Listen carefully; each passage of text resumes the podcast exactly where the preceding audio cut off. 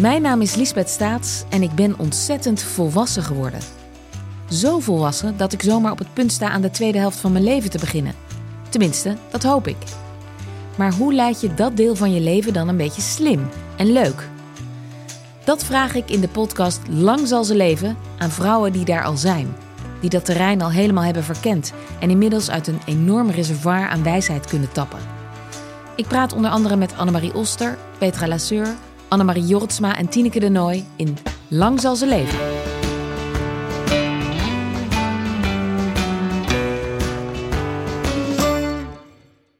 Deze podcast wordt je aangeboden door Vrij Nederland. De brandstof voor je eigen mening. Kortie Media. Hij is zo, hij, ja, hij straalt gewoon. Het is, het is als die man, het is net als je met hem in de metro staat, dat alles zwart-wit is en hij alleen in kleur dan loopt. Dat is, ja, dat is zo geweldig. Dit is Gonzo, de podcast waarin we praten met journalisten over dat ene verhaal in hun carrière dat ze altijd is bijgebleven. Dat het een scoop was, omdat het opzienbarend was, riskant, gelauwerd, ontroerend of onthullend. Als het maar een goed verhaal is. Mijn naam is Merel Westrik. Tegenover me zit Frans Lomans, oud-hoofdredacteur van Sportweek, Panorama en Nieuwe Revue.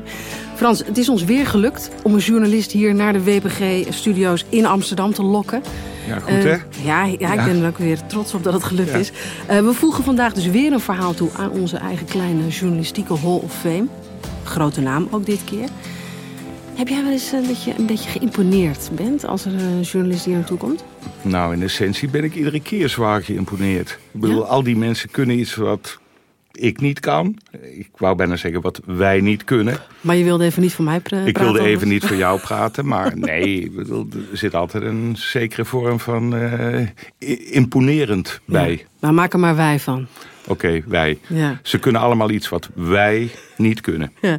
Ik heb het ook altijd als ik dan dat korte biografietje zo aan het maken ben. Dat ik dan zie, oh ja, zoveel verhalen met impact geschreven, veel prijzen gewonnen. Heb jij eigenlijk wel eens een prijs gewonnen? Ik ben één keer genomineerd voor eh, hoofdredacteur van het jaar. En, voel hem al aankomen. had ik ook een klein speech eh, geschreven. Je kent het wel, maar dan word je het dus niet. Hè. Dan heb je een eh, smoking eh, gehuurd, et cetera. En dan hoor je dat je het niet bent geworden. En dan ben je boos en dan wil je eigenlijk gewoon naar huis. Maar dan scheur je nog even demonstratief die speech in flarden. En dan denk je van, dit was mijn kans op een prijs. Die heb ik niet gewonnen. Was er, That's een, it. was er een terechte winnaar dat jaar? Ik kan me helemaal niet meer herinneren. Ik weet alleen dat ik het niet was. Mooi. We gaan eh, naar onze gast.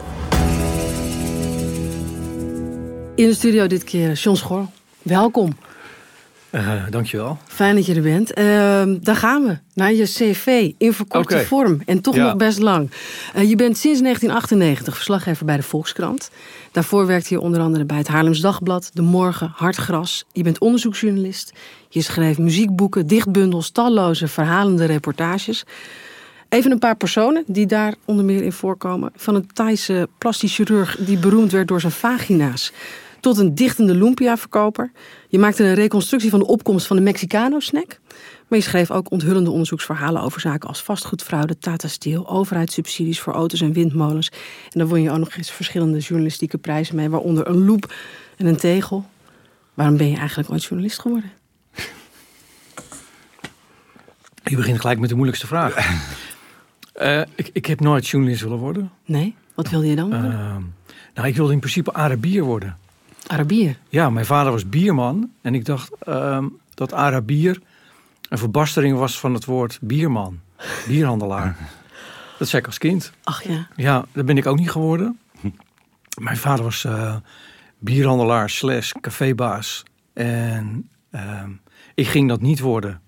Ik wilde iets anders gaan doen. En dat adviseerde hij me ook. Hij zegt, je moet niet je hele leven achter een eh, steekkarretje gaan lopen, zoals hij het noemde. Dus de steekkarretje waarmee je de kratten bier eh, verplaatst. En eh, op een zeker moment was er een keer een baantje vrij bij eh Haarlems Dagblad. En ik had net uh, leraaropleiding eh, afgemaakt.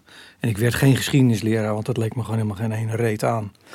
En dan moest ik eigenlijk alleen maar de uh, soort agenda invullen. ja. Dus dan speelde uh, een beentje in het patronaat. om 20.30 en moest ik invullen hoe dat bandje heette en een korte beschrijving wat het bandje was. En, en een hele pagina vol. En dat heb ik. eh, dat was mijn de journalistiek. En koffie halen en faxen scheuren. Maar ik wist namelijk één ding, en dat zou ik ook. Ik voel het bijna weer als ik erover praat. Namelijk, als je bij Haarlemstad wat binnenkwam, dan liep de, liep de vloer liep een beetje op. En ik wist eigenlijk vanaf dag één dat ik daar was. Ik dacht, hier krijgen jullie mij, je gaan die mij niet meer wegkrijgen. Dit is de plek die ik eigenlijk al mijn hele leven zoek. De geur van koffie, papier. Ik weet het niet. Het is een soort, een soort, soort mengvorm tussen een, eh, eh, eh, ehm, een voetbalkantine en een bibliotheek. Zeg maar, het zijn allemaal welbespraakte, leuke, grappige mensen. Er is, er is geen hiërarchie bij een krant. Of niet echt niet opzichtig. Ehm, Vond je vader de goede keus? ja, volgens mij wel. Hij had, was niet in Haarlems Dagblad lezen, waar laatst die krant eigenlijk nooit. En die heeft zich eigenlijk, die vond het steeds leuker worden eigenlijk. Ja, nee, die, eh, die, die vond. Uiteindelijk is, hebben ze ook weer een abonnement op de Volkskrant genomen. Ja. Vanwege jou toch, hè? Niet Ja. vanwege de krant. hè? Nee, ze was Nee. natuurlijk een eh, rode rotkrant. John, toen we jou eh, vroegen om hier te komen praten over dat ene verhaal uit Ja. je carrière, dat je altijd is bijgebleven. Ja, Eh, je hebt ontzettend veel om uit te kiezen, maar wist jij toen meteen welk verhaal dat moest zijn? zeker. Alle Meteen? minuut. Ja, alle minuut. dat heeft ook te maken met als ik zeg maar voor mijn boekenkast sta.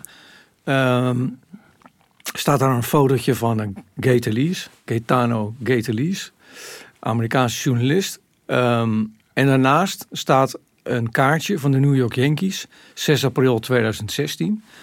Ehm, en er staat mijn naam en er staat de krant. En ik weet dat er nog iemand is die ook zo'n kaartje heeft van diezelfde dag. En dat was Gaetelise. Namelijk, ik ben met hem daar toen naar de New York Yankees gegaan. Ja, dit, het was zo'n enorme gebeurtenis. Die, eh, eh, en ik heb best wel veel eh, verhalen gemaakt de Ja. afgelopen jaren. Ook onthullingen. ehm, maar dat maakte zo'n enorme indruk. Ook persoonlijk. die ontmoeting met die man. Me voorbereiden op dit hele interview. Het was echt een enorme rollercoaster. elk mo- minuut was fantastisch. Elke was inspirerend, ja, Fantastisch en inspirerend. Ja. Eh, eh, alsof een katholiek eh, op bezoek mocht bij de paus. Nee, nee Oh. gelukkig niet. Nee, nee, nee, dat net zeker niet. Eh, ik, was, was, ik ben dan wel geïmponeerd, maar ik ben wel gewoon aan het werk. Als ik zo iemand moet ontmoeten, dan is het zeg maar, dan ben ik, als ik, als ik er eenmaal ben, dan is, die, die, is dat zeg maar, dan, dan neemt, neemt zich gewoon de, de, de verslaggever in mij, neemt het de rol voorkomen over.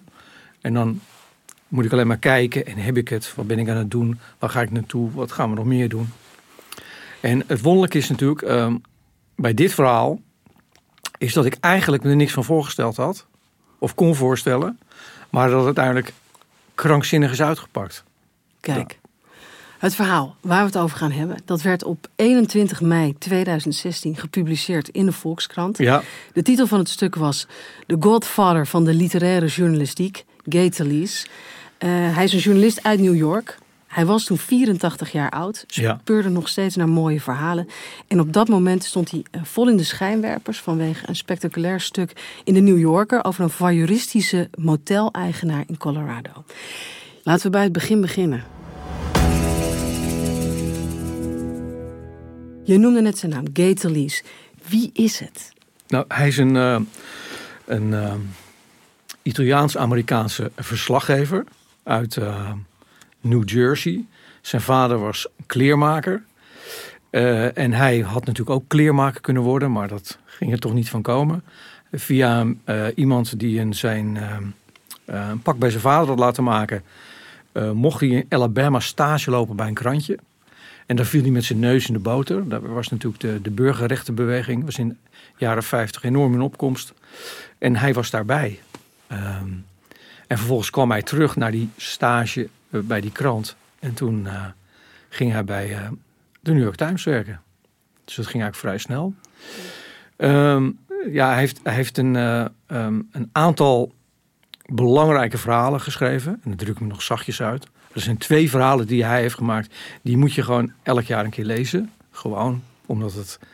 Dat je weer voelt dat je als je schrijft dat alles kan. Maar dat je jezelf ook de ruimte moet geven om iets te beschrijven. Dat je goed moet opletten wat er gebeurt. En het ene verhaal, wat fantastisch is, dat, dat stonden, stonden allebei in de Esquire. En het ene verhaal heet Frank Sinatra Has a Cold. Over Frank Sinatra. En de andere is The Silent Season of a Hero. Gaat over Joe DiMaggio. Dat is een Amerikaanse honkballer. Die ooit Marilyn Monroe was getrouwd. Ehm, en dat verhaal van Sinatra, dat is zo ontzettend goed. Omdat het zich afspeelt midden jaren 60. En Sinatra is eigenlijk... Hij zit niet, eh, goed in de wedstrijd, om zo maar te zeggen. En ehm, ik bedoel, de Beatles hebben alles overgenomen. En hij eh, eh, is in afwachting van een documentaire waarin zal worden onthuld dat zijn banden met de maffia toch wat nauwer waren dan iedereen dacht. En dat hij zijn haarstukjes, daar, daar ging het niet heel goed mee. Hij zat nu al aan zijn vijfde haarstukje. Op dat moment had hij verkering eh, niet meer met Eva Gardner, maar met de dame met het korte haar. Mia naam- Farrow? Mia Farrow, heel goed. De, de, de, vader, de, de moeder van Ronan Farrow. En ehm, ja, en Senator wilde niet meewerken. Dus Teliers had alles geprobeerd. Het- hij wilde gewoon niet. Hij had er geen zin in. En toen bedacht, eh, toen bedacht Teliers een list. Ja, dan niet. Dan ga ik gewoon om je heen lopen. De, de fine art of hanging around. Dus die, die heeft gewoon zeg maar in zijn kielzog is hij meegelopen. En hij heeft daarna iedereen om hem heen gesproken. Om uiteindelijk nog een veel beter verhaal te kunnen maken. Ja. Over dat, eh, eh, over dat verhaal zegt, eh, spreekt Thalys ooit in het programma, CBS-programma Sunday Morning. Laten we even naar de journalist leuk. zelf luisteren. you got details that no one had ever known, like that there was a woman whose specific job it was to carry a Yeah. case with all his hair pieces. Yeah. No one had ever heard that No, before. and I had neither. All these little stories are really big stories if you think big about little people. And that's what I like to do. All these little stories are really big stories if you like to think big about little people. Dat is mooi, hè? Fantastisch. Goed zegt die stem ook weer te horen. Ja. ja. ja. Wie is hij eh, voor jou, Gaetalys? Nou ja, hij is de allergrootste verslaggever die er is. Ehm, kijk, hij is natuurlijk niet van de categorie onthullingen. Hij, is niet, hij heeft geen Watergate onthuld of Milai of ehm, ehm, de bouwfraude. Hij is zeg maar, eh, dat heet dan een literaire journalist, maar dat is natuurlijk gewoon een hele rare term. Want het zijn eigenlijk twee woorden die niks met elkaar te maken hebben. Maar hij vond zeg maar eh, fictie niet zo heel interessant. Hij vond het juist leuk om bestaande verhalen mooi op te schrijven. Met allerlei technieken, maar wat dat ook mogen zijn, die in de literatuur wel gebruikt worden. En hij had, het, hij had een heel mooi voorbeeld altijd eh, van een auteur, die heet eh, Carson McCullers. Ehm, en die had een aantal sportverhalen gemaakt. En in een van die sportverhalen beschrijft Carson McCullers dat die jockey zo mager is dat je kunt zien dat hij een carbonade heeft gegeten. Ja, en zo'n beschrijving is natuurlijk zo fantastisch. Dus Thalys had het gevoel dat hij eigenlijk in elke, eh, elk verhaal op zoek moest naar de carbonade. Dus dat ene element wat iemand helemaal typeert. En dat heeft hij natuurlijk gecultiveerd. Dus wat hij deed, hij reconstrueert de werkelijkheid. Dus hij gaat als een echte verslaggever gewoon mee.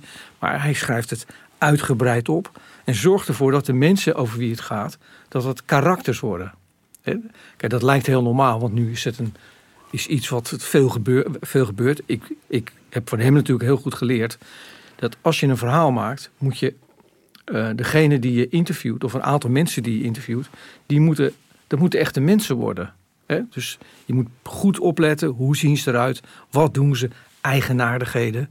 Die moet je allemaal opslaan in je hoofd of in je, op je, in je boekje opschrijven, om ze dan allemaal bij elkaar in een verhaal te zetten. En dat kan niet altijd. De ene keer gaat dat wat makkelijker en niet. Je kunt soms ook niet in elk verhaal alle eigenaardigheden achter elkaar zetten. Want dan wordt het ook een soort uh, ja, Rariteitenkabinet. rariteitenkabinet. Maar Ja. dat is, de rariteitenkabinet dat is natuurlijk de werkelijkheid ook. Dus het ligt ook vaak voor het oprapen, Ja. maar je moet het wel zien. En dat is eigenlijk waar het om gaat. Ja. Je moet goed opletten. Want Hij- alles doet ter zake. Kijk, als je, als je een, een verhaal maakt. ehm, als je onderzoeksjournalistiek, eh, eh, als je aan onderzoeksjournalistiek doet, dan denk je eigenlijk, ik moet vooral feiten hebben. Dus je moet altijd alles verzamelen over eh, whatever, de vastgoedboef. Maar stel je nou toch eens voor dat die vastgoedboef, die heeft de hele tijd de, de gewoonte om met zijn hand door zijn haar te gaan. Op deze manier. Of hij zit de hele tijd heel nerveus iets met zijn handen te doen. Of hij blijkt een enorme liefhebber te zijn van een bepaald soort dichter. Of een eigen, andere eigenaardige. Dat is, dat is ook het verhaal. Dus je moet eigenlijk op twee sporen altijd de dingen uitzoeken. Je moet zorgen dat je snapt wie diegene is. En je moet gewoon de, de, de, de facts in orde hebben. En je moet kijken. Je moet Hè? opletten. En Ja. tot op het bot nieuwsgierig zijn. Nou, ik, dat is wat het is. Kijk, dat is wat hij. me- Ik loop misschien een beetje vooruit, maar ehm, ik ontdekte eigenlijk ook in die ontmoeting met de Lies wat nou het eigenlijk het allerbelangrijkste is als journalist. Is dat je eigenlijk gewoon een aardig iemand moet zijn. Ja. Dat klinkt een beetje zalvend, maar je moet openstaan. Je moet niet bezig zijn met wat jij ervan vindt. Dan raak je namelijk verblind. Je moet gewoon kijken. Het is, het, het- je, je- je kijkt naar een één groot podium. En dat podium, daar, daar speelt de werkelijkheid zich af. En daar moet je goed naar kijken. En dat kan je allemaal gebruiken. En als je van tevoren al zit, nou ik vind het allemaal niks. Of eh, dat is allemaal dit en dat is allemaal dat. Dan verblind je jezelf. Daarom zijn mensen die echt goed kunnen interviewen, in mijn optiek, die zijn niet bezig met wat ze ervan vinden, maar die zijn bezig om echt te willen te weten wat diegene beweegt of wat hij te vertellen heeft. Ja. En hij, sch- hij schreef fantastische boeken, hè, Thalys, over, eh, over de maffia, Ja. over de New York Times, Ja. over eh, seks in Amerika, Mhm. waar hij ook, ook zelf aan meedeed, wat hem bijna zijn huwelijk kostte. Eh, jij hebt denk ik twintig jaar met het idee rondgelopen, ik wil hem ontmoeten. Nou, niet twintig jaar, maar wel een tijdje. Maar op een, op een dag wist ik het. Ik stond onder de douche. Ik dacht, ik ga Gate Lees interviewen. Het kwam zo, niet? Als, als, als, een, als, een, eh, als een druppel uit de kraan kwam het tot je. Exact. Echt? Maar ik wist ook hoe ik het ging doen. Ja? Ja. Ik had eh, volgens mij die zomer daarvoor had ik een boek gelezen van eh, samengesteld door Frank Westerman, journalist, over, over Richard Kapuscinski, de beroemde Poolse verslaggever, zeg maar de, de Oostblok variant van een Gator. En ehm, die had een groot inleidend verhaal gemaakt, Westerman, in het boek. En die had zijn beste verhalen van Kapuscinski had hij achter elkaar gezet. Ik dacht, dat ga ik ook doen. Ik, dat ga ik doen eh, voor Thalys, want hij is niet in het Nederlands verkrijgbaar. Tenminste, niet die verhalen. Dus toen dacht ik, ja, en dan ga ik daar een inleiding van maken. Die inleiding, dat is een interview met Thalys. En dat eh, komt ook in de krant. Dus op het moment, nou ja, ik had een soort combi bedacht. Ja, het is eigenlijk om Nederland een beetje kennis te laten maken met exact. hem. Ja. Dat was het idee. En voor mij dan het excuus, want dan heb ik zeg maar een reden om bij hem aan te kloppen. Dan heeft hij er ook belang bij. Eh, dus dan heb ik een uitgeverij en een krant achter me. Dat, Ja. nou, dat moet wel lukken, toch? Leek de ideale combinatie. Ideale combinatie. Dus ik heb, toen, toen, toen belde je hem en toen zei Thalys, kom langs. Nee, want ik had John. zijn telefoonnummer nog niet. Maar ik had dus, oké, ik had die ik geregeld. Ik had de krant geregeld. En toen moest ik hem nog regelen. Want ze wilden het wel meteen. De Ja, krant zei allemaal, ja, meteen, prima. ah, top. Ja. Ja. Dus Ja? de magazine wilde het doen. eh, Atlas Contact zag er wat in. En toen op een gegeven moment, het was natuurlijk dus dan nog allemaal niet helemaal zeker. Maar ik ga er altijd vanuit. Ik ben denk ik toch gewoon een rasoptimist. Ik denk, het komt wel goed. Ja. Oké. Nou ja, ge- benaderd. Dat lukte niet allemaal. En uiteindelijk... Hoe benaderde je hem in eerste instantie? Ja, ik denk dat ik gewoon zijn uitgever. Ik heb David Remnick van de New Yorker benaderd. Ik heb. eh, eh, ik vond op een gegeven moment een agent, die een eh, Nederlandse agent, ehm, die in New York ehm, in de uitgeverijwereld zit.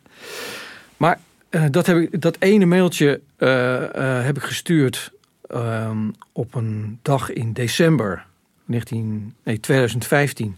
En toen, weet ik nog, de volgende ochtend opende ik mijn mail. Ah, daar was die. Oh?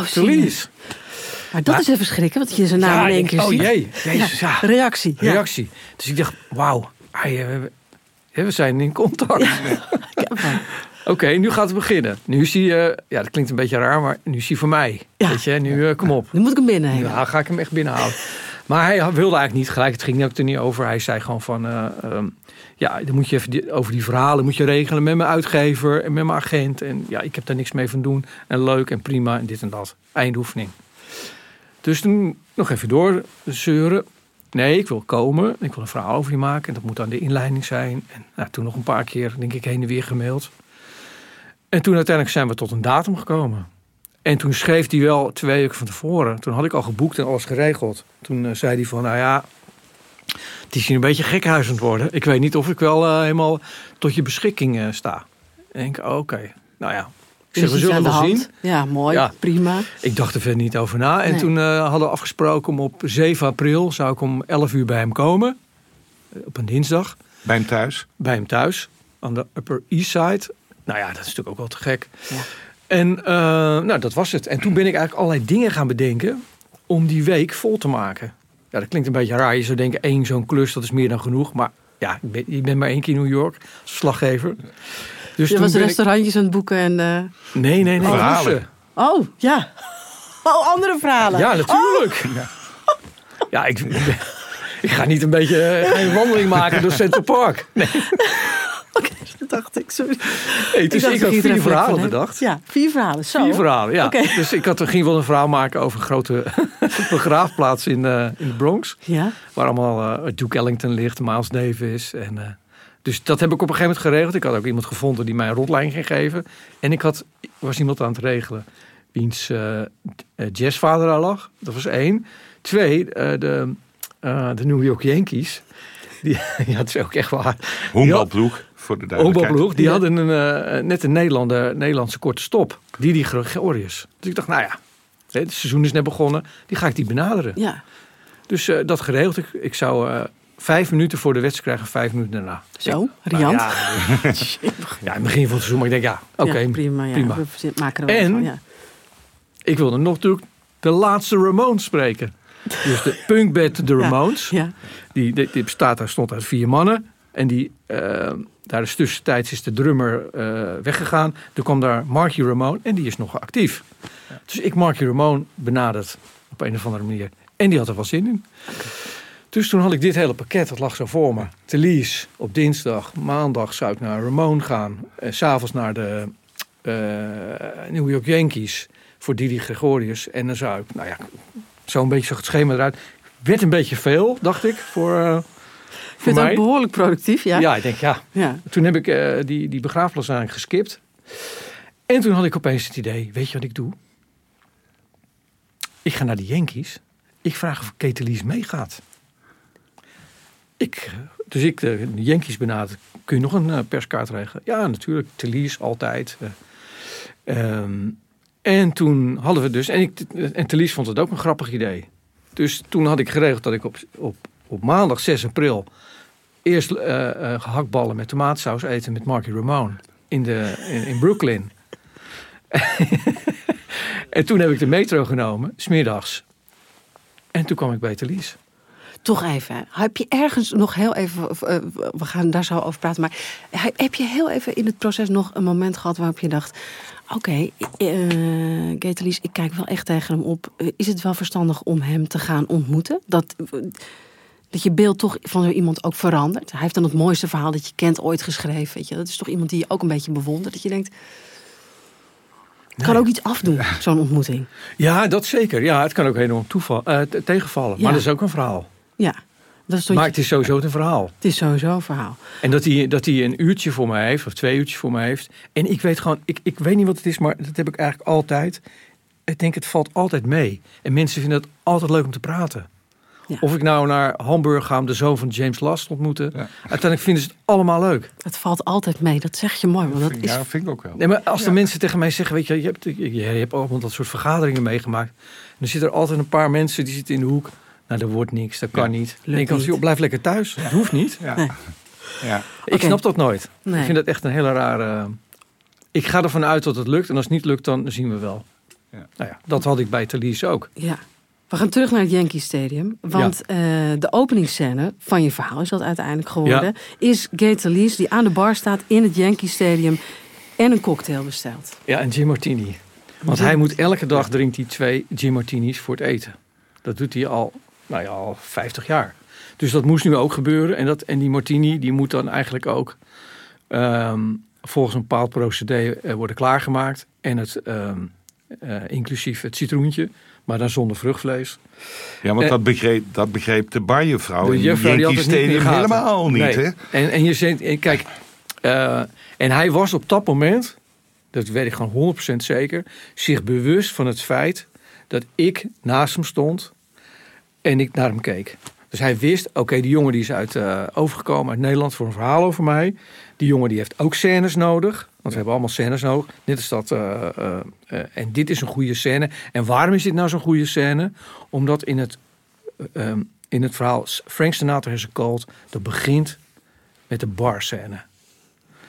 Dus hij denkt, ik, ik parafraseer als het ware mijn eigen oeuvre op zo'n manier. Tenminste, dat denk ik dat hij dat dacht. Want hij maakte er zo'n show van. En hij was zo, hij was echt te gek met die vrouw. Die heette geloof ik Mirjam, weet ik uit mijn Ja. hoofd. En hij, hij, ja, gewoon, hij zag ook dat allemaal mensen naar hem keken. En hij zag natuurlijk ook fantastisch uit in zijn, in zijn handgemaakte pakken. En zijn hoed op en zijn sjaal om. En eh, eh, nou, op een gegeven moment hadden we die borrel. En hij haalde nog wat te eten. Maar daar aan vooraf gaan, dus zeg maar voordat we daar kwamen... in het stadion van de New York Yankees... was ik bij hem thuis geweest. Ja, want dat is eigenlijk het eerste moment Ja, waarop dat je hem het treft. hekje open ga- doet. ja. Ja. het hekje open doet. Nee, Het hekje open. En dan staat daar echt op een deur gewoon Thalys. Ja. Dat geloof je toch niet?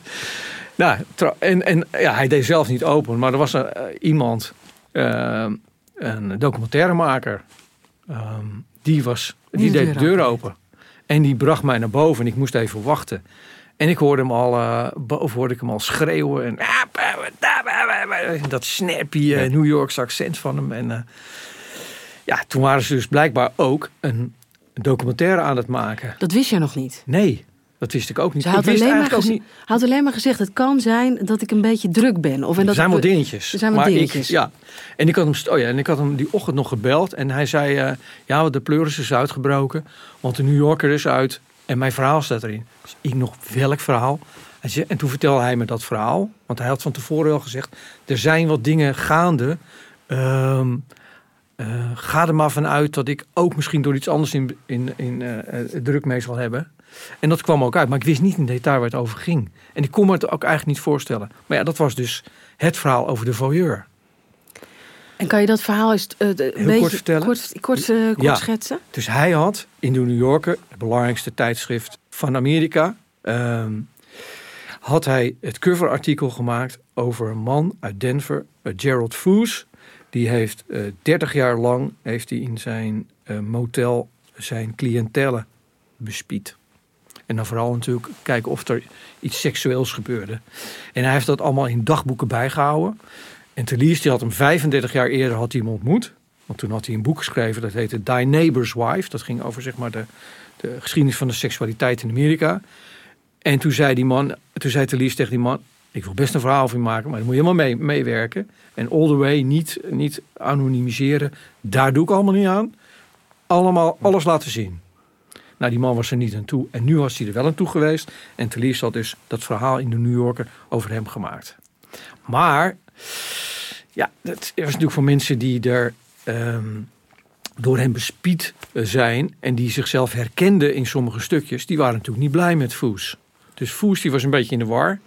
Eh, iedereen wilde hem spreken. Ehm, en Telies zat daar als een buffer tussen. Als 84-jarige. Ja. Dus die, die zat de hele dag achter zijn laptop. En er was nog wat anders gebeurd. Hij had op een, ehm, een journalistieke conferentie in Boston... eh, was hij geïnterviewd, Telies. En daar had hij gezegd dat er geen enkele vrouwelijke schrijfster is... die hem ooit heeft geïnspireerd. Oh jee, ja. Nou, dat viel ook niet lekker. Nee. Dus Telies die had, eh, had een paar dingetjes. Ja. Maar hij wilde wel met mij, want dat had hij helemaal beloofd... met mij naar de New York Yankees. Dus jij zit daar te wachten. Ik zat daar te In wachten. zijn werkkamer, In zijn of- werkkamer. Dus ik heb ogen tekort. Ik denk, hoe krijg ik dit allemaal in Hoe mijn zag hoofd? dat er überhaupt uit? Was het, Ja, ik herinner me vooral... Ik dacht ook dat ik ze nog had bewaard. Ehm, dat er allemaal een hele mand lag met soort hele gekke pepermuntjes. Ik ben op een gegeven moment in zijn wc geweest.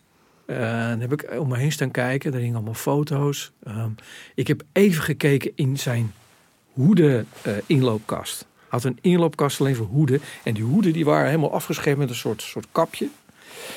Ehm, ik heb ook nog even stiekem in de slaapkamer gekeken. ja, ik, Ja, Nee, je, had de, ka- toch. je had de kans, ja. Je, was er, Ja. je was natuurlijk in een soort museum. En toen heb ik dus ook heel snel al een wc-papiertje meegenomen. Wat? Je hebt een wc-papiertje meegenomen? Uit de wc van Kees Lies. Serieus? Ja, dat had ik dat namelijk dat gaat op zich best ver, Maar wacht John. even, want John, je hebt, je, jij hebt, je hebt voor je eh, Ja. op tafel ook echt... Ja. Je, je haalde net een tasje van de New Yorker Ja. tevoorschijn. Ja. En er liggen allemaal eh, papieren, Ja, een agenda. Je, heb je ook wat mee? Je hebt dus ja ik heb meegenomen. papiertje heb ik ook nog. Maar dat wc-papiertje? Ja, maar weet je hoe dat komt? Nou, Ja. Kijk, ik zat een uur van tevoren zat ik in een Starbucks om de hoek. En toen had ik contact met eh, de bekende auteur eh, Michel van Egmond. en Michel die, eh, is ook een Thelise fan. En eh, ik, ik, ik, ik ga- schrijf van ik- ik- Kieft en Grijp. Ja. Precies. Ehm, en ik had tegen hem gezegd, eh, ik ga zo naar Thelise. Eh, toen had hij gezegd, neem je een wc-pietje voor mij. Hoezo? Gewoon voor de grap. Hij denkt, doet hij toch niet. dus toen heb, ik, toen heb ik voor hem, heb ik in de wc, heb ik een wc-piertje van Thelise. Die is helaas niet gesigneerd. Die heb ik meegenomen. En eh, dat heb ik hem later, heb ik hem met een gesigneerde New York, heb ik hem naar opgestuurd. Oh, geweldig. Dus in zijn wc, bij Michel van Egmond thuis, had een heel groot, ingelijst New York met een wc-papiertje. Geweldig. Maar dus ik had er zelf ook nog eentje. Ja, en ik heb wat heb ik nog meer meegenomen. Ja, eh, kijk, sowieso allemaal aantekeningen staan hier nog in. Dat is op zich niet zo Maar is dat het enige wat je gegapt hebt uit zijn huis, John? Eh, ja, ik heb, ik heb ook nog een kaartje. Dit is eigenlijk wel helemaal te gek. Ehm, hoor het knisperen. Kijk, uh, Thalys, die is een man van hele gekke rituelen.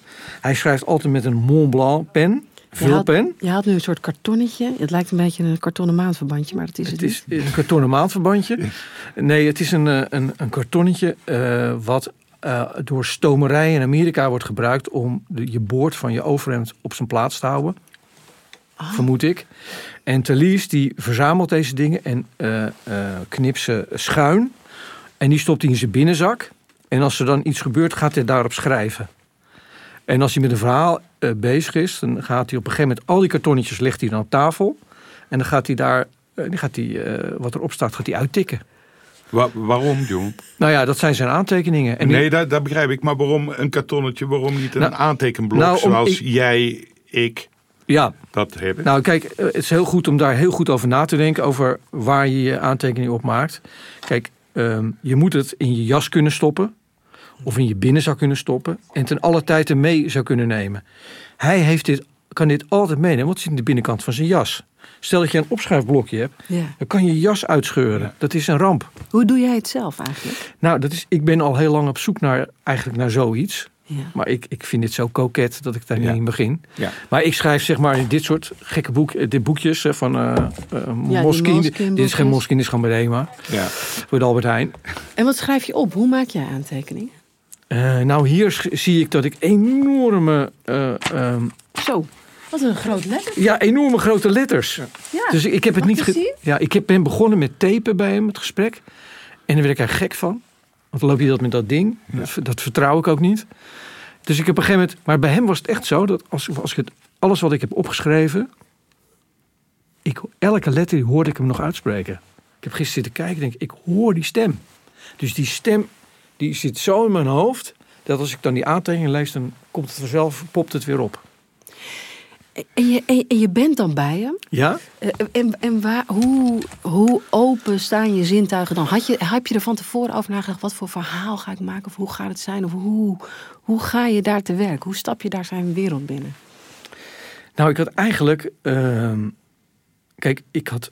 Ik wil niet zeggen dat ik al zijn boeken heb gelezen en al zijn artikelen en dat ik alles wist van hem. Maar op het moment dat ik daar ben, dan sta ik zo enorm open. Ik zeg maar met open armen neem ik alle, alles in me op. Ehm, ehm. en wat ik ga doen, dat weet ik eigenlijk nog niet. Stel je vragen.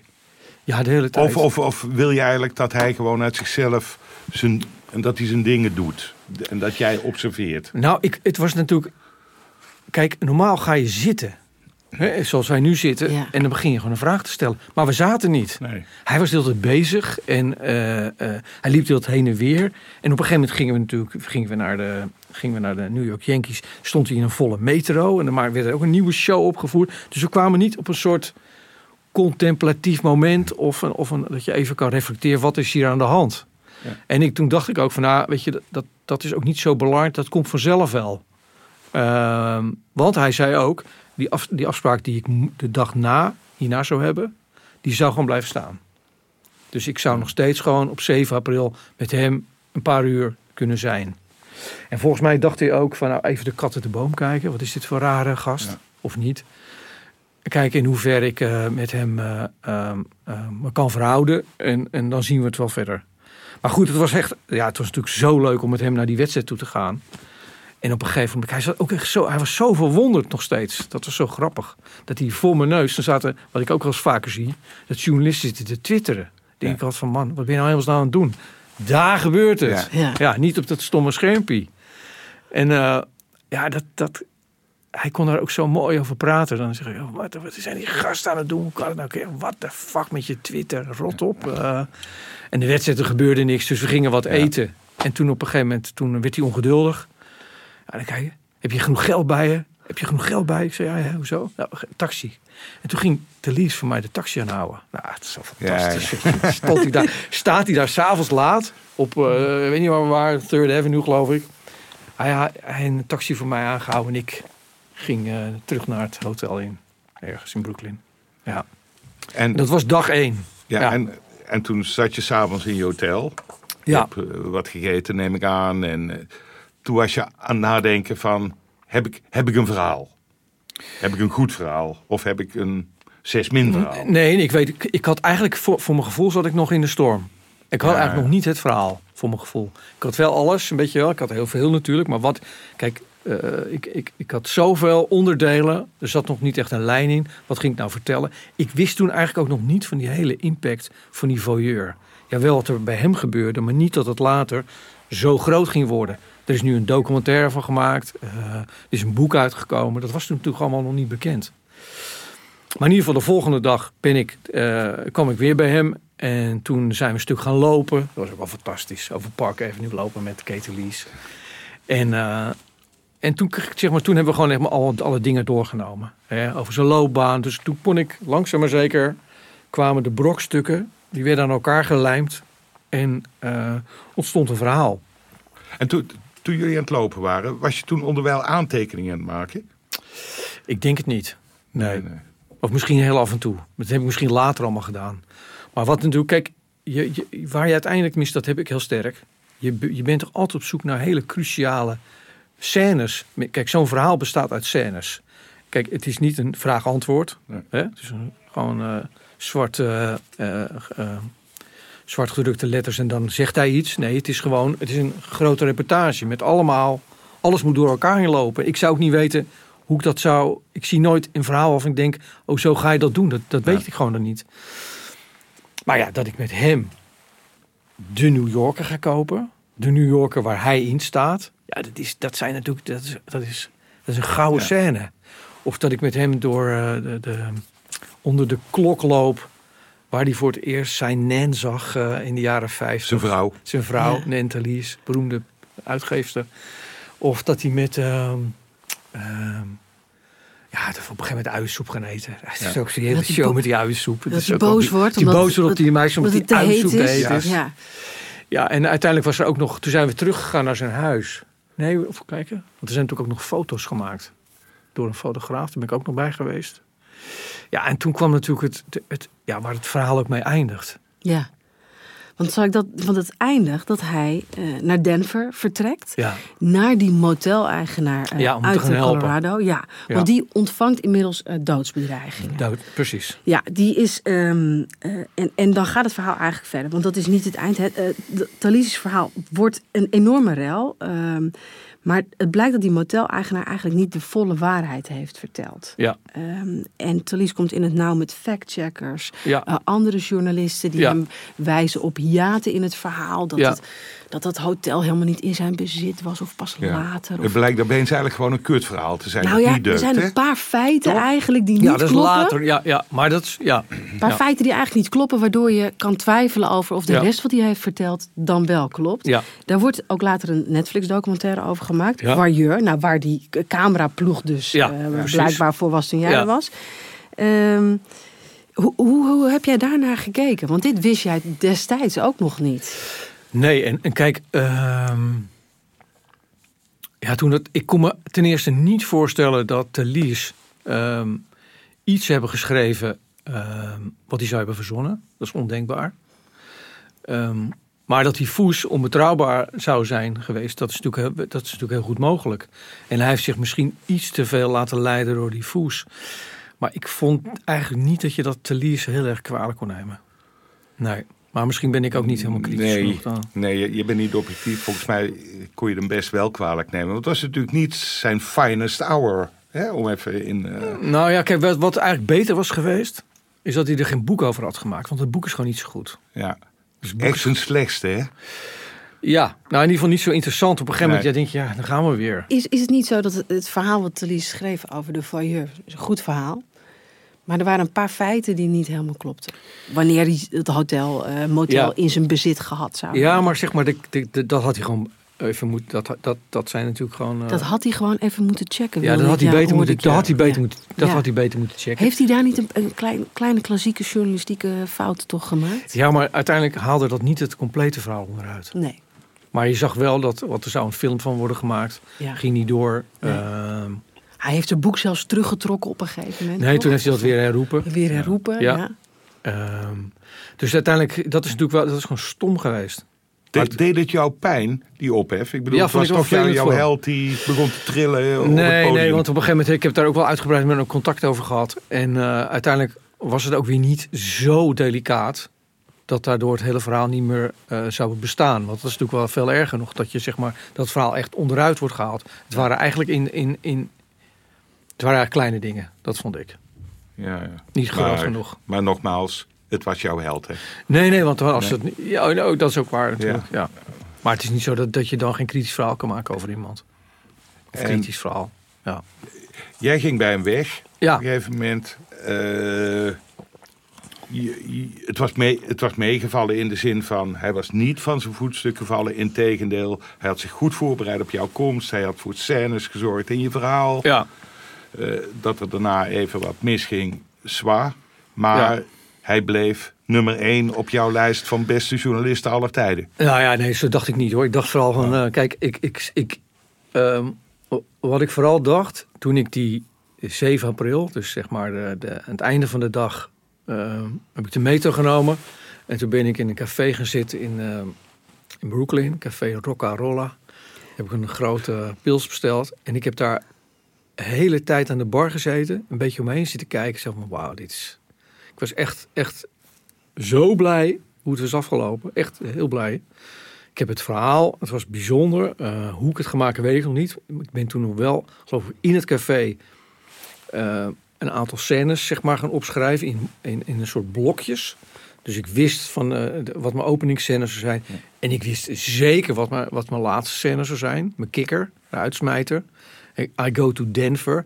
Dat klinkt gewoon als een, dat klinkt als een Een song. liedje. Ja, Als een song. Het is een liedje. I'm going, nou ja, I'm going to, I'm going to Graceland, Graceland. Ja, of Ja. I'm leaving on a jet plane. Ja, het is, Het ja. is gewoon, eigenlijk- weet je, ehm, het is zo'n mooie eindscène dat, dat, dat hij uiteindelijk tegen mij zegt, eh, hou godverdomme die, die telefoon in de gaten. En dat ik dan op een gegeven moment de New Yorker aan de lijn krijg. Ik denk, jezus, wie heeft dit allemaal in elkaar gezet dat ik dit meemaak? Weet je, het, is zo, het was zo mooi. En uiteindelijk komt Nen naar beneden. Een hele, echt van die hele mooie trap. Zo kwam ze naar beneden lopen. En dan gaan ze onderhandelen over de auto. En dan zegt hij, Nen, zeg alle afspraken maar af. Ik ga naar Denver. Ja, het, het is zo. prachtigheid. Ja, dat is zo goede zin. Ja. Had je af en toe niet het gevoel, ik kan me zo voorstellen dat je ernaar dat je jezelf ook af en toe zo hebt beschouwd. Dat je dacht dat ik hier ben. Ik zit, in, Ja, ik zit, zeker. ik zit Ja. in een film.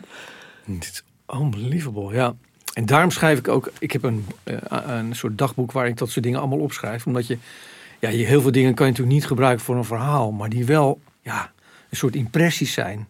Niet hoe ik me voelde op dat moment, maar meer gewoon in details. Weet je wel, allemaal dingen die ik daar in zijn huis heb gezien. Of die hij ook heeft verteld en die ik niet het verhaal kon vertellen. Om ook een beetje, om bijna een soort, om, ons het ware te ontluchten. Om, om eh, nog voordat ik het verhaal heb gemaakt, even iets op te schrijven over mijn impressies eh, naar zo'n verhaal. En waarom heeft dit verhaal nou zo'n indruk op mij gemaakt? Hè? Dat is natuurlijk gewoon Ja. de hamvraag. Ehm, nou ja, dat komt ook gewoon door die man. Die man die is echt hij was toen natuurlijk al dik in de tachtig. Zo'n enorme energiebom. Er zit zoveel... Ja, je, je zou bijna zeggen dat hij goede energie heeft. Maar dat is natuurlijk al een linkersoep. Omdat je het niet mooi genoeg vindt. Die combinatie van twee woorden. alle- ja. Maar hij is zo, hij, ja, hij straalt gewoon. Het is, het is als die man, het is net als je met hem in de metro staat, dat alles zwart-wit is en hij alleen in kleur daar loopt. Dat is, ja, dat is zo geweldig. Ja. Maar dat is niet de enige reden waarom het zo'n indruk heeft gemaakt. Nee, en het verhaal was natuurlijk gewoon eh, Ja. zo bizar dat ik echt in zo'n hele grote nieuwsgebeurtenis terechtkwam. Voor Ja. Amerikaanse begrippen ook grote nieuws. En er was verder helemaal niemand anders die er zo dichtbij zat. En het is niet een nare nieuwsgebeurtenis. Het is geen aardbeving in Turkije. Maar het is een soort, ja... Het is, het is een aardbeving in, eh in Schorelland. Ja, precies. Ja, Ja, toch? ja, zo kan je het een beetje zien. Ja, dat heb je mooi gezegd. En je zei eerder, want, want, want wat heb je van hem geleerd? Of Wat, wat heb je van hem opgestoken? Ja, nou dat, dat, dat gebeurde dus nadat hij had we die, eh, de, de tweede Jim Martini eh, in onze mik. En toen had hij ehm eh dim soemetjes gehaald. Hij is ook gelijk, weet je, regelt ook alles. Gelijk heel charmant. Hij is ongelooflijk charmant. En wij stonden zo aan een beetje te, te, gewoon te kletsen. En, ehm, over van alles en nog wat. En opeens dacht ik... Ah, nou weet ik het. Je bent gewoon een aardig kerel. Dat is het. Dat was echt gewoon. Echt, ik meen het serieus. Ik dacht, dat is wat het is. Dit is waarom deze man zo goed is. En waarom deze man zoveel mensen eh, aan het praten krijgt. Exact. En waarom mensen zich veilig bij hem wanen om hun verhaal te doen. Ja. Zelfs zo'n verhaal van een voyeur Ja. die een motel koopt om mensen te Exact. kunnen bespioneren. En dat die man uiteindelijk zich toch zo eh, loyaal voelde aan, Thalys, 35 jaar na dato, dat hij hem toch dat verhaal wilde geven. Die zegt, schrijf het maar op. Schrijf het maar op. Jij boek, verdient het. Jij- ze hebben altijd al die jaren contact gehouden. Ehm, en jij verdient het om dit verhaal te mogen opschrijven. Heb je nog wel eens contact met hem? Gisteren nog. Echt? Ja, ik heb, meestal feliciteer ik me op mijn verjaardag, echt kinderachtig. En gisteren eh, kreeg ik een hele uitgelaten ehm, bericht van hem. Eh, dat het heel goed met hem gaat. En dat hij nog steeds vier avonden in de week bij Donahue Steakhouse eh, eet. Ehm, Hij is 91. Hoe oud is hij nu? 91, Hoe oud is hij nu? 91. 91. ja. En dat, dat, eh, hij is nu 72 jaar getrouwd met Nan. En dat er nu een boek komt over hun huwelijk. Ja. Heb je hem destijds eh, jouw verhalen toegestuurd? Ja, Het zeker. Ja, ik heb alles toegestuurd. Ja, hij heeft de Volkskrant magazine gekregen. Juist, ja, en, En- ook die met die prachtige voorkant. Hè. Ik, ik zal hem even optillen hier Ja. voor eh, de luisteraars. Voor de luisteraars. Voor de luisteraars, het, de, de cover is echt fantastisch. Beschrijf hem. Ja, je ziet dus zeg maar een variatie op het beroemde schilderij van Edward Hopper, Nighthawks, waarin je mannen s- eh, s s'avonds laat aan de bar ziet zitten. Maar dan heeft ehm, ehm, eh, de illustrator heeft Thalys aan de bar gezet in een eh, motel. En eh, je ziet een bovenste raampje, zie je zeg maar ehm, als, een te- als een teken van frivoliteit, dat er damesbenen half uit het raam hangen. Ja. Ehm, ja, het is prachtig. Het is precies wat bij het verhaal hoort. Hoe reageerde hij? Hij reageerde verhalen? fantastisch natuurlijk. Ja, ik heb de brief heb ik bewaard. Natuurlijk heb ik die bewaard. Ehm, Vertel, hij, je stuurde het hem op Ja, en je dit- kreeg een reactie. kijk hoor, Thalys, dat stond er in 21 mei stond dit in de eh stond in het Volkswagen Magazine. Ja. En op 25 mei schrijft eh Thalys dat hij ze heeft gekregen en dat hij heel erg geïmponeerd is en hij ehm, bedankt me hiervoor en dat er prachtig uitziet. Heeft iemand het voor je vertaald? Of is Nee, dit... dat, ze- dat doe ik nu zelf. Oké, Nee, je- nee, de- het, over het, het verhaal uit de origineel. Volkskrant eh, is Eh, vertaald. nou, ik hè? heb denk ik misschien ook wel een, een vertaalde versie naar hem toegestuurd, maar dat weet ik niet zeker. Ja. Maar oké, dan zegt hij: You did a wonderful job and it was a happy experience to be in your company. A fellow journalist who has a high standards and is also a gentleman. Nou, Nou, hey. En dan staat er? Dat dan mag, op staat je, er, dat mag op je graf komen. John. Looking forward to seeing you again whenever you are in New York. Wishing you continued success and good health. Always. Ketelis. En ja, tegenwoordig is hij altijd, schrijft hij altijd, how are you old pal? Dus, eh, ja, het is leuk. Nou, Ja. Dus ja, toen stond dit verhaal in de Volkskrant. Dat was natuurlijk een... eh, ja, ik, ik heb hem... hij ligt er altijd natuurlijk bij ons al op vrijdag. Dus ik ben natuurlijk naar de krant gegaan. Maar uit een doos gehaald. En ik ben de stad ingelopen. Ik ben ergens in een café gaan zitten. Ik heb ook al een half uurtje het verhaal zitten lezen. Nog een keer gelezen, nog een keer gelezen. Naar de cover zitten staren. En toen dacht Het je, is gewoon gelukt. John Schorl, Nee, het is gewoon het gelukt. is gelukt. Ja, dat denk ik vaak. Hoe is het mogelijk dat het toch weer is gelukt? Ja. Ja. Nou, Mooi. dat is wat we willen in het leven. Dat eh, na een lange strijd iets lukt. En liefst nog beter dan we hadden durven hopen. Ja, ja, maar ik denk ook wel dat je, dat je zeker in de journalistiek, ehm, ehm, ja, misschien ehm, heb ik makkelijk praten, dat kan natuurlijk ook, hè. Ik zit gewoon bij een, de, de of de grootste krant in Nederland. En ik mag eigenlijk veel dingen doen, eh, of ik bedenk dingen en eh, de krant zegt bijna nooit van, nee, dat willen we niet. Je zult er wel naar gemaakt hebben, John.